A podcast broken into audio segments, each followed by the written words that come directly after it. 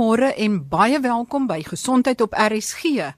Ja, met almal wat nou weer praat oor COVID en die derde golf wat aan die gang is, is dit seker nie vreemd dat ek alweer praat oor COVID nie. My gas vandag is soos enkele weke gelede professor Wolfgang Preiser. Hy's hoof van virologie by die Universiteit van Stellenbosch en die Tygerberg Hospitaal. Baie welkom professor Preiser. Baie dankie en goeiemôre Marie. Ja, baie welkom.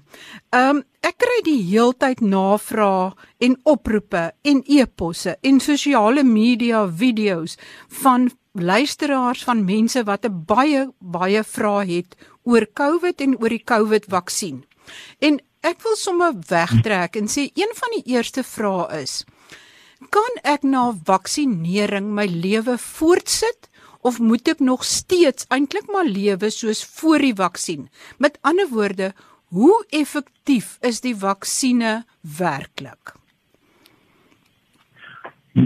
Very good question. I have good news and I have not so good news. The good news is that over time, as more and more people will hopefully be vaccinated, we can we will gradually be able to return to our pre-COVID lifestyles, at least for most of our activities. There are certain things like wearing masks when in close vicinity with a lot of strangers, like on public transport or in crowded spaces, where maybe I think wearing a mask is not a bad thing. In the Far East, people have been doing this for many, many years and it seems to give some protection against influenza and also other things that one can get. So not just against COVID. But that's an aside. So largely we will be able to return to our pre-COVID lifestyle. Until then, however, even if you are lucky to have been vaccinated already, unfortunately, for the immediate future, it's back to staying where we are i.e., avoiding crowds, keeping a distance, wearing masks, and so on and so forth. And the reason is that the vaccines do not give excellent protection against the infections. They do protect very well against severe disease and death, but not so well against infection as such. And of course, we're also worried about infection, which may be nasty for the person who has it and could also be passed on. So, you know, it's not something that we can say, well, if it, if it doesn't tell me, you know, let, let me just have it. There are implications. You don't want your, your friends, your relatives, your colleagues at work um, to catch it from you. Um, so the, the vaccines are not optimally effective against that. It takes time uh, for uh, immunity to build, also over time. And as long as most people that you encounter will not be vaccinated, it is too early to um, you know to enjoy the, the newly won freedoms. We, we haven't won them yet, but we will get there in the end. So hoe effektief uh met ander woorde sê maar daar's nou 10 mense wat ingeënt is. Sal 5 van hulle miskien nog steeds COVID kry of sal 2 van hulle nog vatbaar wees uit uit 10 uit of uit 100 uit? Ja. Watter persentasie sal nog steeds moontlik COVID kan kry? I have to say that we are still learning just how effective uh, these different vaccines that we are using here are in real life uh, conditions against our, um, well, which we called previously the South African variant of the virus, which is now called the Beta variant. So the one that was first found in the UK is the Alpha variant, and ours here is the Beta variant. Then in Brazil, they have the Gamma variant, and uh, the one that was uh, found in India first and is now spread to the UK and to other places is the Delta variant. So we, we are dealing with the Beta variant, and there isn't a lot of good data on how good the vaccine protection is against it. We know it is about 10% lower than against the wild type virus against which most of these vaccines were tested. So let's say if, for example, the uh, Johnson & Johnson vaccine gives you 75% protection against um, the, the wild type virus, the original virus, it would probably uh, be something like 65%. So out of your 10 people, between 3 and 4 could still become infected if the whole 10 are, of course, exposed to somebody and, and you know, exposed to an infectious dose.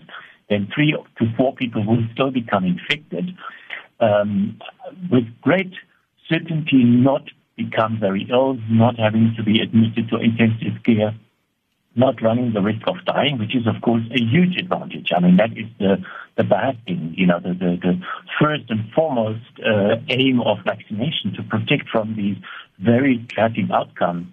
But you might still become infected. You may have mild disease or not quite so mild disease, or you may even have inapparent disease. You would probably be also not as infectious as you would have been if you weren't vaccinated. But still, in close contact, you would not want to expose a relative or friend uh, who is vulnerable themselves um, to this infection. So basically, it means for the foreseeable future, unfortunately, even when vaccinated, we'll have to stick to these precautions. Professor Preiser, baie mense sê, "O nee, hulle wil nie die vaksin hê nie want hulle het erns gehoor jy gaan bloedklonte kry van die vaksin." Maar hoe groot is die kans om die bloedklonte te kry van die vaksin versus om bloedklonte te kry as jy siek word van COVID sonder dat jy ooit die vaksin gehad het? I can uh, cite um, the statement by uh, one of South Africa's foremost specialists in blood clotting, um, who said that he had seen so many patients with COVID die from clotting disorders that he was very he would be very happy to accept a very small risk. We're talking of one in hundred thousand or less uh, of someone getting a, a, serious clotting issue due to the vaccination. It seems to only affect uh, the AstraZeneca vaccine, which we don't use here anymore because it doesn't seem to work against our variant, and the Johnson Johnson vaccine. It seems to be exceptionally rare, and in addition, um, these specialists have already set up protocols on how to diagnose and treat these conditions. So, which basically means that even if one is unlucky enough to be the one in a 100,000 or one in 500,000 person who develops this, um, chances are that with the history of the vaccination, it will be recognized and treated early. So the chances of coming to serious harm or suffering permanent damage or even dying from it are further diminished. In, in, in fact, the, the example that he used was that in Gauteng, one has a one and a half million lifetime risk of being hit by lightning. Obviously, in the Cape, that's much less because we don't have thunderstorms. Uh, but uh, in Gauteng, it's one in you know, half a million. So, and he said that with the risk of a, of a vaccine, um, you know, of, of, of, serious side effects of one in a million, that's like you were you would be hit twice by lightning. That is, you know, it's exceptionally rare. So, and I think one has to keep that in, in perspective. Um, these are tragic cases, of course. They seem to be linked to these vaccines, but they are exceptionally rare. And uh, already certain precautions are taken. Certain, you know, people are asked certain questions about uh, some conditions that might increase their risk. Um, and if it still occurs, um, it can be diagnosed and treated promptly. So that further minimizes the risk. So to be honest, worry about getting to the vaccine site safely in you know in traffic through traffic um, and back home um, are unharmed from from uh, traffic injuries and so on. Um, but but that side effect is exceptionally rare. I, I would not you know for me it wouldn't really change my take on it because it's one of those extremely uh, unlikely events that we just you know we have to deal with when it when it hits, but it's not something that we realistically have to figure in. Professor, um, Dr. Angelique Coetzee wat die uh, voorsitter is van SAMA, die Suid-Afrikaanse Mediese Vereniging, het onlangs op 'n radioprogram gevra toe iemand gesê het maar hulle wil hulle nie laat inent nie. Het sy gesê sy sal graag wil weet hoe werk sulke mense se koppe wat hulle nie wil laat inent nie. Voel jy dikwels dieselfde as iemand sê hy wil hom nie laat inent nie? Um, it is a difficult question. Uh, to be honest, um, um, Dr. Coetzee and, and, I, and of course many others who've seen the, the devastating effects of COVID on, on people. And that's not just those who, who get it uh, badly and, and who, who need intensive care and, and who oftentimes die. And we've, you know, I, I think most listeners will have will, will know such people in, in their families if they are unlucky, uh, amongst their friends and neighbors um, amongst their colleagues. So um, after the second wave, I think most South Africans will have been touched by COVID in one way or other. Um, you know, it, it, it is bad and it, it was extremely very likely. I have seen people uh, become infected and, and develop very severe disease that have been very careful. So, it, you know, it, it, it, it does happen. Um, so, uh, absolutely true. I mean, you've seen that, and, and the whole idea of, uh, you know, having a, a vaccine being offered and not taking it seems totally, you know, ununderstandable. Of course, we, we have to meet people where they are. And I do understand absolutely um, that this whole thing is overpowering. Um, that, that whole uh, pandemic played out in a way that even us who, who are in the field in a way, you know, could not foresee and it impacts you on, on more than one front. I mean, we also have um, kids that couldn't go to school. We also have relatives that uh, lost work um, or whose business had to close down or were badly damaged and impacted. You know, I mean, it, it, it's really been a very tough year and a half um, that we have been through. Um, and I think it, it may be um, a mechanism of, of coping. I mean, psychologically speaking, that people then, um, you know, take take issues that, that they feel they don't understand and, and say, no, not not with me. I, I think you're taking chances and I'm not prepared for that. Um, for me, clearly, also personally and, and amongst my my uh, my relatives, clearly the vaccine is our way back into a, a more normal life. It is potentially life saving. Um, so, um, and and and the questions about um, you know how how it could be that it was developed so quickly it's an immense effort. I mean, uh, many countries, the industrialized countries, pump billions and billions into the development of these vaccines. I, I think they did something like a bet.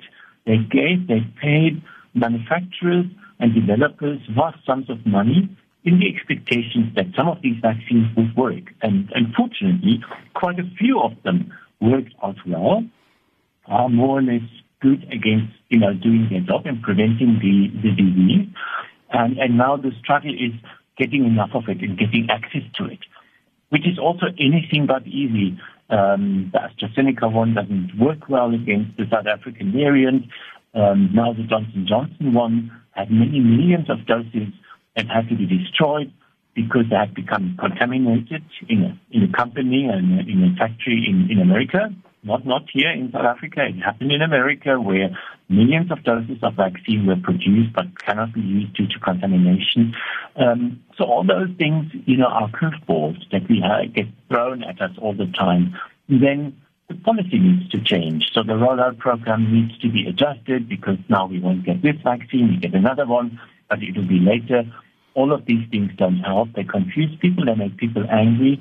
And I sort of understand that one might actually flee into sort of a corner which says, are these vaccines its all nonsense, we can't trust them.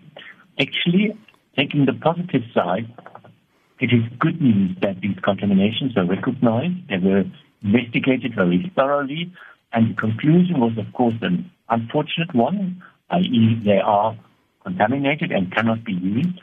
But this means that the processes work. People are looking at that, people are testing it and checking it. And if something is not right, the stuff gets thrown away, however painful that may be. That's exactly what we want. Same story with the clotting issue. It is something that did not turn up during the clinical trials simply because it is so rare that even if you test the vaccine on thousands of people, chances are you won't see it, and it is what happened. So you see it when you now use it on hundreds of thousands and millions of people. It was seen the rollout of this particular vaccine was halted while the phenomenon was investigated, and thereafter it was um, uh, restarted, um, the, the, use of this vaccine, but now with these special precautions and provisions. So these things, uh, I believe, tend to, to make people insecure. They, they get the impression probably that you know, these guys don't know what they're doing. Now they say this is safe. Now they say it isn't. Now they stop it. Now they restart it. What can we believe? The problem is you can actually just, just this confusion and these constant changes demonstrate that the processes are working behind the scenes and that any potential problems are being looked at. So even though it is very disruptive and it, I believe you, it, it makes life in the, in the profession even worse because you know, we, we have to, to deal with all these uh, changes and new developments uh, all the time, which it's really uh, tricky. Um, and of course, it's frustrating for people who have been registered and then don't get a, um, a slot, an appointment to, to come for the vaccination. But it also shows that we are trying to do it as safely as possible and also as quickly as possible. And it is an unprecedented uh, program. I don't think the world has ever seen, well, I know the world has never seen as many people getting vaccinated with vaccines in such a short period of time. It's an absolutely stunning uh, achievement if we if we pull it off, and we have a long way to go still. But it's a wonderful thing, thanks to modern science and also some clever decision making. But until there, uh, it is uh, fraught with difficulties and problems, and I'm sure we will have further disappointments. We have seen them before, and I'm sure there will be further hiccups when certain manufacturing uh, facilities will have to shut down or certain batches can't work and so on. Professor Preiser, ek het nog nooit in my lewe so baie ek wil amper sê vals nuus of of stellings deur mense wat nie viroloë of nie medisy is nie gesien oor ehm um, oor juis oor hierdie virus. En een van die teorieë is dat daar eintlik nie so virus is nie. Weet, dis eh, een veld tog is show me the virus, show us the virus. So jy as viroloog, het jy al hierdie virus gesien? Hoe uh, word dit geïsoleer of hoe weet julle verseker daar is so virus? Kyk julle net na die DNA, die genetika daarvan of is hy onder 'n mikroskoop sigbaar? Hoe identifiseer julle die virus? Ja, heb het gezien. no, in fact, um, you know, this is an interesting observation. I, uh, what I think what, what we are seeing is uh, um, a lot of frustration and, uh, you know, people feeling insecure out there and then, um, you know, putting after straws people who, who offer, and there's plenty of those, who offer the, the truth you know, and of course it's easier to deny the issue. We've seen that with HIV AIDS. Remember, we had a former president who said famously that he never, he didn't know anybody who had AIDS ever. Uh, all the time while while, while uh, millions of South Africans were dying all, all over from untreated HIV disease. Um, so we, you know, I think it's a it's a very human uh, reaction to to rather deny the, the issue than than face it because it's uncomfortable to face. No, as regards the virus, yes, we, we have seen it. We have seen it with our very eyes. We can't see it, obviously, being a virus, it's tiny. We can't even see it with a normal microscope. It has to be looked at with an electron microscope. And these things are few and far in between. But we see what the virus does. Uh, for example, in our own lab, we have isolated uh, the virus from uh, several patient samples on cell cultures. That is what viruses know, uh, need to grow and then we can observe what it does to the cell cultures. So we see the cells becoming sick, basically through the infection, and then the virus hijacking the cells and forcing them to produce more viruses. And in the process, the cells die. And then the viruses, the newly produced viruses, spread to other cells. They become infected, turned into virus factories, and then in the end die, releasing more virus, and so on and so forth. And you can see this spread through the uh, through the uh, cell culture. You can spread it from one cell culture to another one, which is uninfected, by transferring some of the material. You can look, you can actually watch the virus under the electron microscope if you take it from the cell culture. Uh, but what we do practically is we measure the amount of virus that is formed in the cell culture, and we do that by looking at the viral RNA, that is the viral genome, and that's essentially the same technology that is used for diagnosing it. And all those arguments that the PCR test doesn't detect the virus, but only the genome and stuff, that is that is absolutely null and, and, and, and nothing. We do that. It is a technology that is state of the art. It's been used for the past 30 years diagnostically. This is how we diagnose HIV infection in babies born to infected mothers, how we diagnose other types of viral infections for example, and other infections such as viruses, also bacteria and parasites.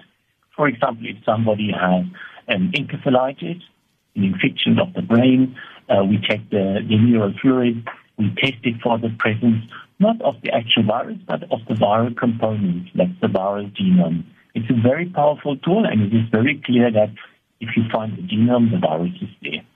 I think the element of truth that is often in, in many of those those otherwise silly arguments is that finding the viral genome by PCR, that is, you know, the most commonly used technology to do that. It's called polymerase chain reaction. It's very sensitive, requires specialized equipment, and it basically makes uh, one copy of viral genome of viral RNA into many, many thousands of copies, uh, which we have to do in order to be able to identify it properly. So the, the PCR detects a viral genome, and that does not necessarily mean that the infectious virus is still present. And that is, I believe, the element of truth behind this claim that uh, if you have COVID, you will be infectious a few days before you, your, your symptoms start, and then for about a week thereafter. And if you look at it with uh, at your samples with the PCR test, you will have very high uh, values. It, it basically um, so what what we do is we call it a viral load. and That's the concentration of virus in the specimen, and that will be very high, and that correlates with the person being infectious. But if we keep testing, which we don't do in practice because, you know, it's not a pleasant test for all those who've had these, these swab tests, so one, one only does it for, for, for certain types of studies. But if you keep testing people who've had COVID before, you might find some of them being remaining positive by PCR for another two weeks, three weeks, in rare cases up to several weeks. And it is true that these people who are further down the line and have recovered from, from COVID uh, may still be PCR positive but are no longer infectious. But of course, it still remains that if you find the genome, it is evidence of the virus being there, so it proves infection. Whether that infection is currently infectious, and whether it's in the acute stage or whether it's past that stage, it's a different question. The lab can often answer this by looking at the test values. Um, so, you know, it's not a, not a valid argument against the ability of the test. So unfortunately, I have to say no. It, yes, the virus definitely exists. It has, you know, we have proven not by uh, experimentation, but by just observing what tragically happened millions of times in South Africa alone and hundreds of millions of times around the world. We have it has fulfilled all the requirements for an infectious pathogen spreading from person to person, multiplying in the newly infected person, causing illness spreading to others. It does everything that a virus does. And it also is a new one. It's something that we have not seen prior to the end of 2019. Professor Pricer, dan net 'n laaste vraag vir 'n baie vinnige of 'n kort antwoord. En dit is: waar dink jy kom die virus vandaan? kom hy van 'n mark af of is hy gekweek in 'n laboratorium? Uh het hy ontsnap of per ongeluk ontsnap? Wat wat is kortliks jou gedagtes? I I you know I I follow that old uh, old saying that if it can be uh, explained by stupidity don't blame it on uh, doing bad. Um, so I think this virus comes from a wildlife reservoir Um, at the beginning of it are certainly bats that harbor a lot of related viruses. It very likely from the bat went into some other type of animal and from that animal into human beings. It is speculation whether that happened on, in one of the so-called wet markets or wildlife markets, but it's, it, that has happened before and it's very plausible. Um, so I think this is the likeliest explanation. Um, I don't think we can 100% rule out that um, in the course of laboratory work, um, people may have had this virus in the lab and through sloppy work practices um, became infected, and this is how it started. It's very unlikely. I, I think it is very unlikely. It would be major blunders. Um, from what I hear, um, you know that that is, is unlikely. We can absolutely exclude the possibility that this is a man-made thing, that somebody did something bad and the experiment, either the, the plan was to, to cause this pandemic or that this went wrong. Um, if you look at the virus, and that is the power of modern science, we can sequence the thing. We can look at the full length of its genome. We don't do this for routine diagnostics, but we do it for research. And we have an excellent grouping in South Africa that does it uh, for, for South African viruses. We know a lot about it. And believe you me, to come up with such a thing in the laboratory would be immense work. You would have uh, an army of hundreds of people working on this for many years, consuming a lot of research funding. Such work would not have gone unnoticed. And the other thing is, why would you bother? Because we have pathogens that are quite capable, why not use one of those and tinker with them a little bit and make them more dangerous and then release them? Why start something from scratch? It simply doesn't make sense. People who would know how to do this um, we still have to put in an, an enormous lot of effort, funding, and, and work and time, but they would go the practical way. They would not do something like that. So surely not a biowarfare agent. It's also not suitable because you know, you would want something that harms the enemy but not yourself. So, you know, it, it, it doesn't make sense. Um, a laboratory accident uh, working on a naturally found um, agent is not totally uh, to be ruled out. It's uh, probably extremely unlikely. I think the plausible explanation is this is simply because we have ignored all these warning signs over the past decades that it is dangerous to mix with a variety of different animals, mixing them with one another under often terrible conditions, then exposing human beings to these body fluids and tissues. Um, and that is a risk, and we've known this. This is how HIV got into the human population 100 years ago. This is how Ebola virus uh, from time to time jumps into the human population. This is how the previous SARS and MERS also got into human populations. And I think this is also how the present one got into us. Baie baie dankie professor Wolfgang Preiser, my gas vandag en hy is verbonde aan die departement virologie. Om die waarheid te sê hy is die hoof van die departement virologie by die Universiteit van Stellenbosch en die Tygerberg Hospitaal. En sy ek dink sy hoofboodskap is as jy geregistreer is en jy kan nie vaksin kry kry dit. Die virus bestaan en dit kan dalk nie so goed afloop vir jou as jy die virus kry nie Tot volgende week dan wanneer ek weer gesondheidsake gesels en dan kyk ons na lang COVID. Al daai effekte wat so lank na die tyd nog saam met jou lewe. Tot volgende week dan baie groete van my Maria Hudson.